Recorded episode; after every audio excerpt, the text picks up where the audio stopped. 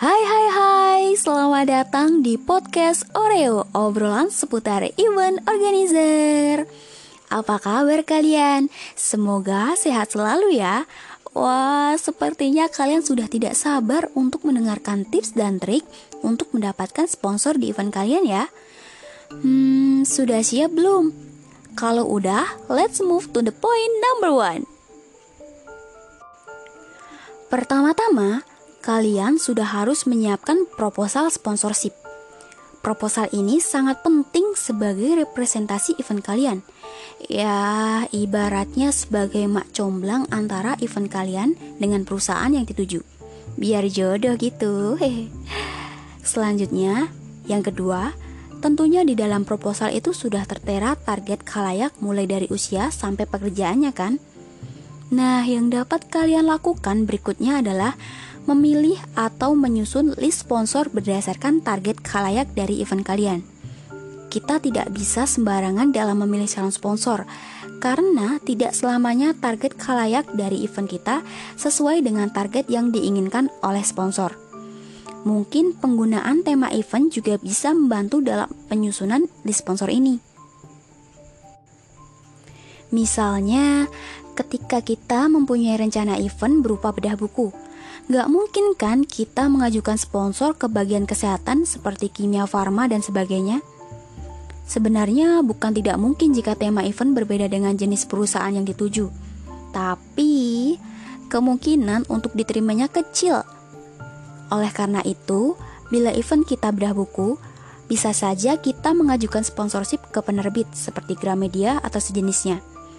Kalian bisa membuat daftar sponsor yang diinginkan menggunakan Microsoft Excel atau yang lainnya untuk dilakukan pendataan terkait informasi sponsor seperti alamat dan kontak yang dapat dihubungi. Sehingga proses pencarian sponsor kalian bisa lebih terstruktur. Ketiga, lakukan klasterisasi sponsor.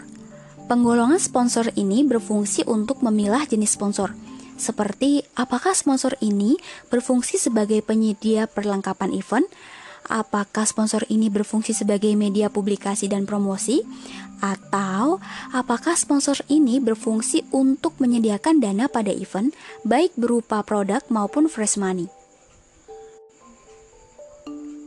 Tapi, hal ini masih bersifat tentatif ya, karena belum tentu juga apabila sponsor yang kalian incar untuk menyediakan perlengkapan event malah justru memberikan sumbangan dana berupa fresh money. Memang proses pencarian sponsor ini tidak bisa ditebak ya. Jadi sabar aja. Keempat, tentukan tenggat waktu.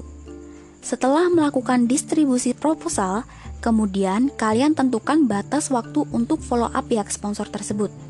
Penentuan batas waktu dilakukan karena terkadang dari pihak sponsor membutuhkan waktu yang tidak sebentar untuk pengambilan keputusan. Terutama jika sponsor tersebut berbentuk perusahaan yang memiliki birokrasi tersendiri dalam pengambilan keputusan terkait sponsorship.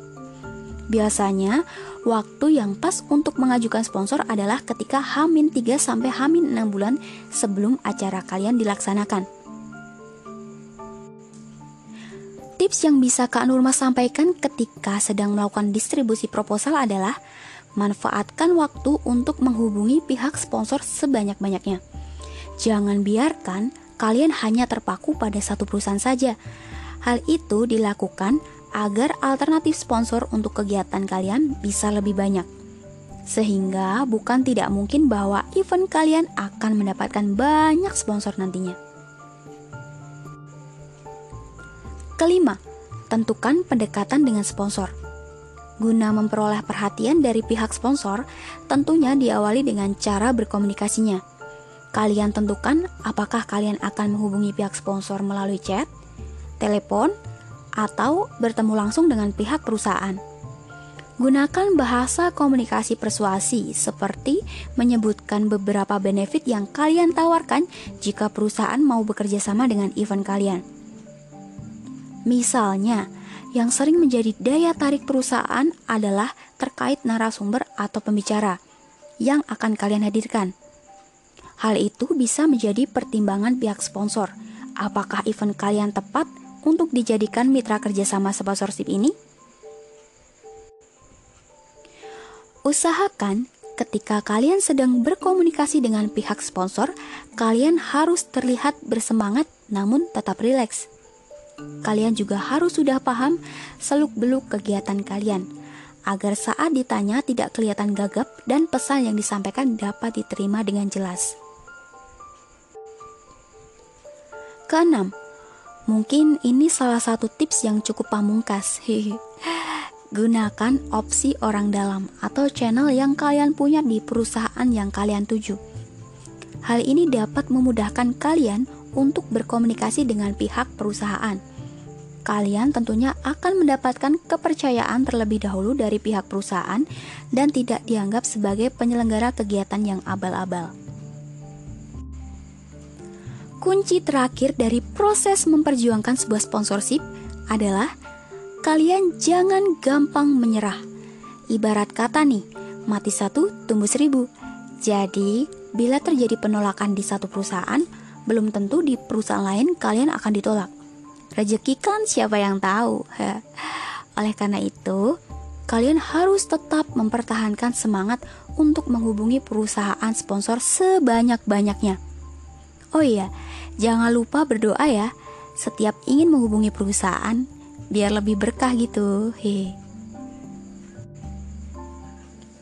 Wah, gimana? Udah cukup belum tips dan trik yang Kak Nurma sampaikan? Intinya, jika kalian ingin mendapatkan sebuah sponsor, kalian harus menggunakan bahasa komunikasi persuasi yang baik agar perusahaan mau bekerja sama dengan kalian. Jangan mudah menyerah dalam segala hal dan tetap semangat apabila menerima penolakan. Untuk praktikum keenam, Kalian siapkan laporan progres per divisi dari event kalian ya. Dan kalian juga bisa memulai untuk membuat media promosi seperti Instagram yang menjelaskan detail event kalian seperti apa. Oke, sekian podcast kali ini. Kita berjumpa lagi di podcast Oreo dengan pembahasan yang lebih seru lagi nantinya. Stay strong and keep healthy all. See you.